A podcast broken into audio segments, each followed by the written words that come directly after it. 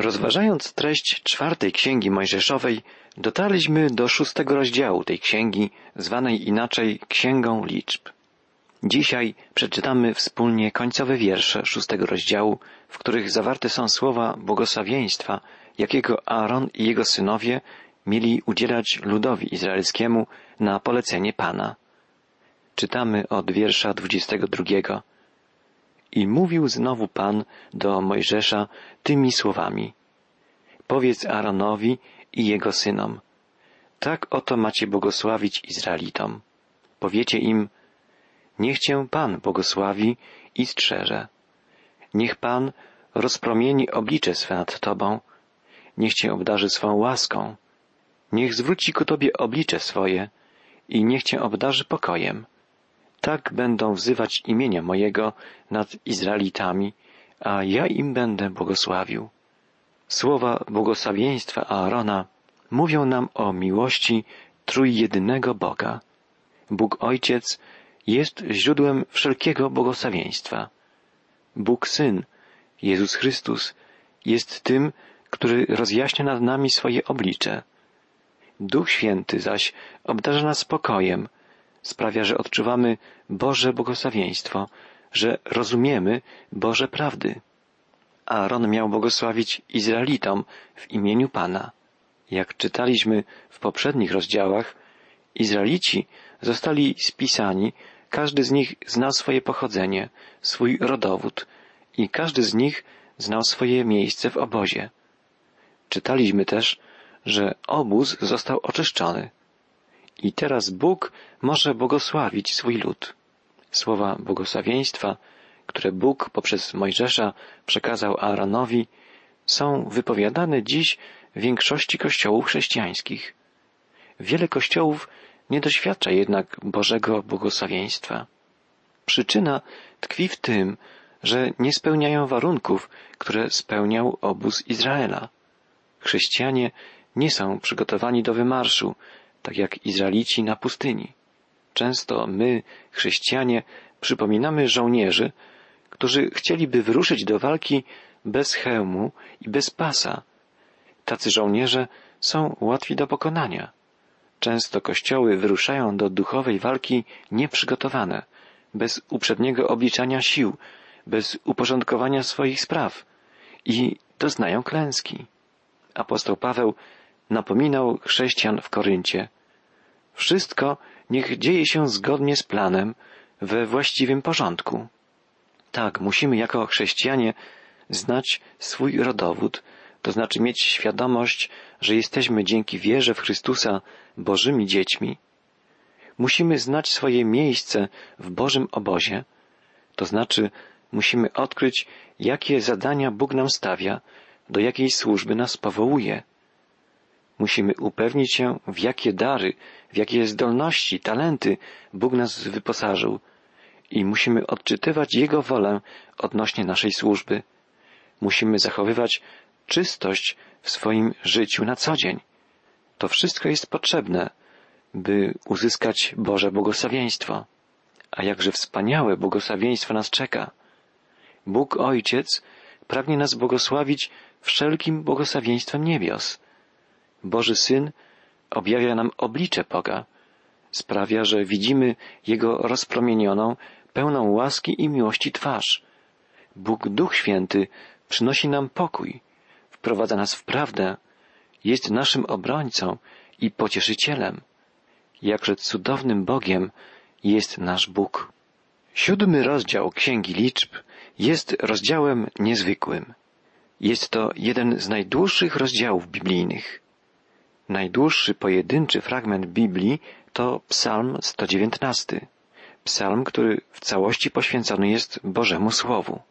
Siódmy rozdział Księgi Liczb, czyli czwartej Księgi Mojżeszowej, jest drugim co do długości rozdziałem biblijnym i w całości poświęcony jest, co może wydać się nam zaskakujące, opisowi darów złożonych Panu przez książąt izraelskich z okazji poświęcenia przybytku na pustyni. Znajdujemy tu dokładny opis wszystkich darów złożonych kolejno przez książąt rodów i plemion Izraela I jest to dla nas opis monotonny, ale jest tu zawarta pewna bardzo ważna myśl, którą będziemy chcieli odczytać. Przeczytajmy początkowe wiersze siódmego rozdziału Księgi Liczb. Gdy ukończył Mojżesz budowę przybytku, namaścił go i poświęcił wraz ze wszystkimi sprzętami. Podobnie i ołtarz razem ze wszystkimi sprzętami do niego należącymi namaścił i poświęcił. Wtedy książęta Izraela, głowy poszczególnych rodów, książęta pokoleń i przewodniczący w spisie przynieśli swoje dary. W dniu poświęcenia ołtarza przynieśli książęta swoje dary. Gdy przynieśli je przed ołtarz, rzekł Pan do Mojżesza, niech każdego dnia jeden z książąt przyniesie swój dar ofiarny na poświęcenie ołtarza. Tym, który pierwszego dnia przyniósł dar ofiarny, był Nachszon, syn Aminadaba z pokolenia Judy. Jego dar ofiarny stanowiły misa srebrna wagi 130 syklów oraz czara srebrna wagi 70 syklów według wagi przybytku. Obydwie napełnione najczystszą mąką zaprawioną oliwą na ofiarę pokarmową. Czasza złota wagi dziesięciu syklów napełniona kadzidłem. Młody cielec, baran i roczne jagnię na ofiarę całopalną. Kozioł na ofiarę przebłagalną. Wreszcie dwa woły, pięć baranów, pięć kozłów i pięć jednorocznych owieczek na ofiarę biesiadną. To był dar ofiarny Nachszona, syna Aminadaba. Drogi słuchaczu, czy słyszałeś już kiedyś wcześniej o człowieku o imieniu Nachszon? Prawdopodobnie nie. Ja też wiem o nim tylko tyle, że był przywódcą pokolenia Judy i że złożył Bogu dar opisany tutaj dokładnie, jak przed chwilą czytaliśmy. Ale Bóg znał tego człowieka i Duch Boży szczegółowo odnotował składane przez niego dary. Potem następuje opis darów złożonych przez następnego księcia. Czytamy dalej od wiersza osiemnastego. Drugiego dnia przyniósł dar ofiarny Netaneel, syn Suara, książę Isacharytów. Jego dar ofiarny stanowiły misa srebrna wagi 130 syklów, czara srebrna wagi 70 syklów według wagi przybytku, obydwie napełnione najczystszą mąką zaprawioną oliwą na ofiarę pokarmową. Czasza złota wagi dziesięciu syklów napełniona kadzidłem, młody cielec, baran i jednoroczne jagnię na ofiarę całopalną, kozioł na ofiarę przebłagalną, wreszcie dwa woły, pięć baranów, pięć kozłów i pięć jednorocznych owieczek na ofiarę biesiadną. To był dar ofiarny Netaneela, syna Suara. O tym człowieku też zapewne wcześniej nie słyszeliśmy, ale Bóg znał go dobrze. I Bóg wiedział, że pełnił on odpowiedzialną funkcję przywódcy plemienia, plemienia Isachara. Jeśli dokładnie prześledzimy spis darów złożonych przez Netaneela i Nachszona, zauważymy, że dary te były identyczne. Duch Boży odnotowuje je jednak w całości. I podobnie do końca rozdziału spisane są imiona kolejnych książąt, przedstawicieli kolejnych plemion i podane są w detalach dary przez nich złożone. Dla nas jest to nieciekawy i monotonny zapis, ale nie jest on nudny dla Boga. Imię każdego z tych ludzi jest tu zapisane i wszystko, co przynieśli oni Bogu, jest szczegółowo odnotowane. Dla Boga bardzo ważne jest wszystko, co ktokolwiek z nas mu ofiaruje. Jest to dla nas bardzo ważna i bardzo radosna wiadomość. Drogi przyjacielu, cokolwiek uczynisz dla Boga, choćby była to drobna z Twojego punktu widzenia sprawa, jest przez Boga odnotowana i jest dla Boga ważna. Pamiętamy z opisu, który czytaliśmy w Ewangelii Łukasza, jak Pan Jezus stał w świątyni i przypatrywał się, jak ludzie wrzucali pieniądze do skarbonki na ofiarę. Bogaci ludzie wrzucali pokaźne kwoty i Jezus to odnotował. A potem uboga wdowa wrzuciła do skarbony dwa małe pieniążki. Ale Pan Jezus wiedział, że było to wszystko, co ta uboga kobieta miała. Jej dar właściwie nie powiększył kwoty, która znajdowała się w świątynnej skarbnicy, ale Jezus patrzył na jej dar w zupełnie inny sposób. Ona dała wszystko, co miała i zgodnie ze słowami Jezusa był to największy i najbardziej radujący Boga dar. Ten dar na wieki zapisany jest w niebie. Możemy być tego pewni. Pan Jezus odnotowuje wszystko, co Ty lub ja Mu ofiarujemy. On wie, jak cenne dla nas jest to, co Mu dajemy.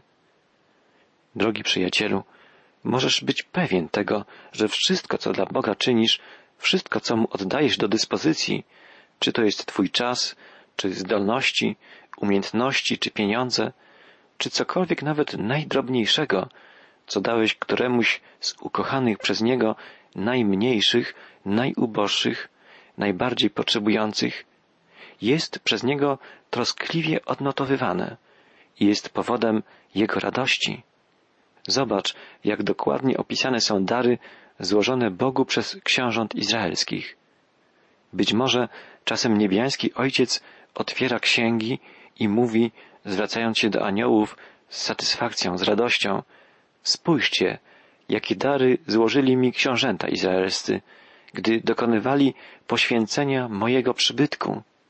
Ósmy rozdział Księgi Liczb, właściwie jego opowieść, sprawia, że przybliżamy się do przybytku i dowiadujemy się o kilku dodatkowych poleceniach Pana dotyczących służby kapłańskiej. Przeczytajmy cztery pierwsze wiersze ósmego rozdziału Księgi Liczb. Mówił Pan do Mojżesza tymi słowami. Tak mów do Arona i to mu powiedz. Gdy ustawisz lampy, wtedy siedem lamp ma rzucać światło na przednią stronę świecznika. Aaron uczynił tak, na przedniej stronie świecznika umieścił jego lampy według nakazu, jaki dał Pan Mojżeszowi. Świecznik zaś był wykonany w następujący sposób. Był kuty ze złota, od podstawy aż do kwiatów był kuty. Był on sporządzony zgodnie ze wzorem, jaki Pan podał Mojżeszowi. W drugiej księdze Mojżeszowej, w księdze wyjścia, znajduje się pełny opis służby kapłanów i lewitów w przybytku. Tutaj Bóg przekazuje Aaronowi dodatkowe polecenia odnośnie świecznika stojącego w namiocie spotkania w miejscu świętym. Świecznik ten był w całości wykuty ze złota. Bóg polecił Aaronowi, żeby tak ustawiał lampy, by ich światło padało na przednią stronę świecznika. Złoty świecznik był jednym z najpiękniejszych przedmiotów znajdujących się w przybytku. Światło lamp, padające na ów artystycznie wykonany ze złota świecznik, podkreślało jego piękno. Sprawiało, że lśnił on wspaniale i rozświetlał całe wnętrze przybytku. Świecznik ten jest jednym z najdoskonalszych symboli obrazujących Chrystusa. Światło lamp płonących na nim to symbol Ducha Świętego, który objawia i ukazuje piękno Jezusa Chrystusa. Świecznik jest symbolem Chrystusa posyłającego Ducha Świętego na świat. Duch Święty bierze z tego, co Chrystusowe i objawia nam Jego prawdę. Prawdę o miłującym nas Bogu, prawdę o zbawieniu. Teraz możemy zrozumieć, dlaczego Duch Boży pisze tutaj na początku ósmego rozdziału Księgi Liczb o złotym, rozświetlonym świeczniku, a dalej w drugiej części tego rozdziału o oczyszczeniu lewitów i o poświęceniu ich do służby. Wszystko musi się dziać w świetle Chrystusowym. Jezus jest prawdziwą światłością, duchową światłością. Jest prawdziwym Zbawicielem, którego krew jako jedyna może oczyścić i uświęcić człowieka. Druga część ósmego rozdziału Księgi Liczb mówi o oczyszczeniu lewitów i ofiarowaniu ich do służby. Bóg każdego, kogo powołuje do służby, najpierw oczyszcza i uświęca. Przeczytajmy wiersze począwszy od piątego do dziesiątego. Mówił znów Pan do Mojżesza tymi słowami. Wyłącz Lewitów spośród Izraelitów i oczyść ich. Postąpisz z nimi w ten sposób, aby ich oczyścić. Pokropisz ich wodą przebłagania, ogolą całe swoje ciało, wypiorą szaty i wtedy będą czyści. Następnie wezmą młodego cielca ze stada i należącą do tego ofiarę pokarmową z najczystszej mąki zaprawionej oliwą. Ty zaś weźmiesz drugiego cielca ze stada na ofiarę przebłagalną. Każ wystąpić Lewitom przed namiot spotkania i zbierz całe zgromadzenie Izraelitów. Gdy wyprowadzisz Lewitów przed Pana, Izraelici włożą na nich ręce. Najpierw więc, jak czytaliśmy, Lewici mieli zostać pokropieni wodą przebłagania. Potem mieli ogolić całe swoje ciało. A po trzecie, mieli wyprać szaty. Po czwarte, złożyć ofiarę przebłagalną i całopalną. Mamy więc tutaj opisane jak gdyby cztery etapy oczyszczenia. Pierwszy to pokropienie wodą przebłagania. Pamiętamy z lektury Ewangelii Jana, że gdy Jezus umywał nogi swoim uczniom, Piotr wzbraniał się, a wtedy Jezus powiedział mu, jeśli nie umyję Twoich nóg, nie będziesz miał działu ze mną. To znaczy, że Piotr nie mógłby dzielić społeczności z Jezusem, nie mógłby z nim przebywać, gdyby Jezus nie obmył mu nóg. Jan napisał potem w swoim liście apostolskim, jeśli chodzimy w światłości, jak On sam jest w światłości, społeczność mamy ze sobą i krew Jezusa Chrystusa oczyszcza nas od wszelkiego grzechu. Chodząc z Bogiem, potrzebujemy ciągłego oczyszczania, co oznacza, że musimy wyznawać Mu każdy grzech, każdego dnia, prosząc Go o przebaczenie. A jeśli wyznajemy Mu wszystkie grzechy, pisze dalej apostoł Jan, On jest wierny i sprawiedliwy i odpuszcza nam grzechy i oczyszcza nas z wszelkiej nieprawości. Każdy, kto chce służyć Bogu, po doznaniu kąpieli odrodzenia musi jeszcze ciągle się oczyszczać, musi wyznawać grzechy, które nadal popełnia. Lewici byli już u ołtarza całopaleń, który symbolizuje krzyż Jezusa Chrystusa, a więc krzyż to znak naszego zbawienia, odrodzenia do nowego życia. Ale potem Lewici musieli zbliżyć się do stojącej obok kadzi z brązu, aby zostali tam pokropieni wodą przebłagania. I podobnie będzie w czasie całej ich służby. Będą musieli się nieustannie obmywać, aby być czystymi, poświęconymi do służby Bogu. Drugim etapem oczyszczenia, który lewici musieli przejść, było ogolenie całego ciała. W liście do Hebrajczyków czytamy Słowo Boże jest żywe i pełne mocy, ostrzejsze niż miecz obosieczny, przenikające aż do rozdzielenia duszy i ducha, stawów i szpiku, zdolne osądzić zamiary i myśli serca. Tak, Boże Słowo jest jak światło, które ma nas prowadzić, ale jest też jak ostry miecz, który ma nas ociosywać, kształtować i oczyszczać. Trzecim etapem oczyszczenia Lewitów było wypranie przez nich szat. Odzienie Lewitów to obraz naszych przyzwyczajeń, nawyków, nałogów, rzeczy, z którymi związane jest nasze serce, które przeszkadzają nam w trwaniu w bliskiej więzi z Jezusem. Nasze przyzwyczajenia, nawyki muszą się zmienić. Większości z nich musimy w ogóle się pozbyć. Ostatni, czwarty krok w procesie oczyszczenia lewitów to złożenie przez nich ofiary całopalnej i przebłagalnej. Wiemy z naszych rozważań nad treścią Księgi Kapłańskiej, czyli trzeciej Księgi Mojżeszowej, że ofiary obrazowały w pełni dzieło odkupienia dokonane przez Chrystusa. Ofiara całopalna wskazuje na osobę Chrystusa, wyraża cudowność i doskonałość naszego Pana, a ofiara przebłagalna ukazuje Jego dzieło, to, że zmarł dla naszego zbawienia. Tak, jeśli chcemy trwać przy Panu i służyć Mu, musimy być stale blisko Niego i pamiętać o tym, co dla nas uczynił. Tylko wtedy możemy doznać pełnego oczyszczenia, uświęcenia. chce go dokonać w nas i pomiędzy nami nasz Pan i Zbawiciel, Jezus Chrystus.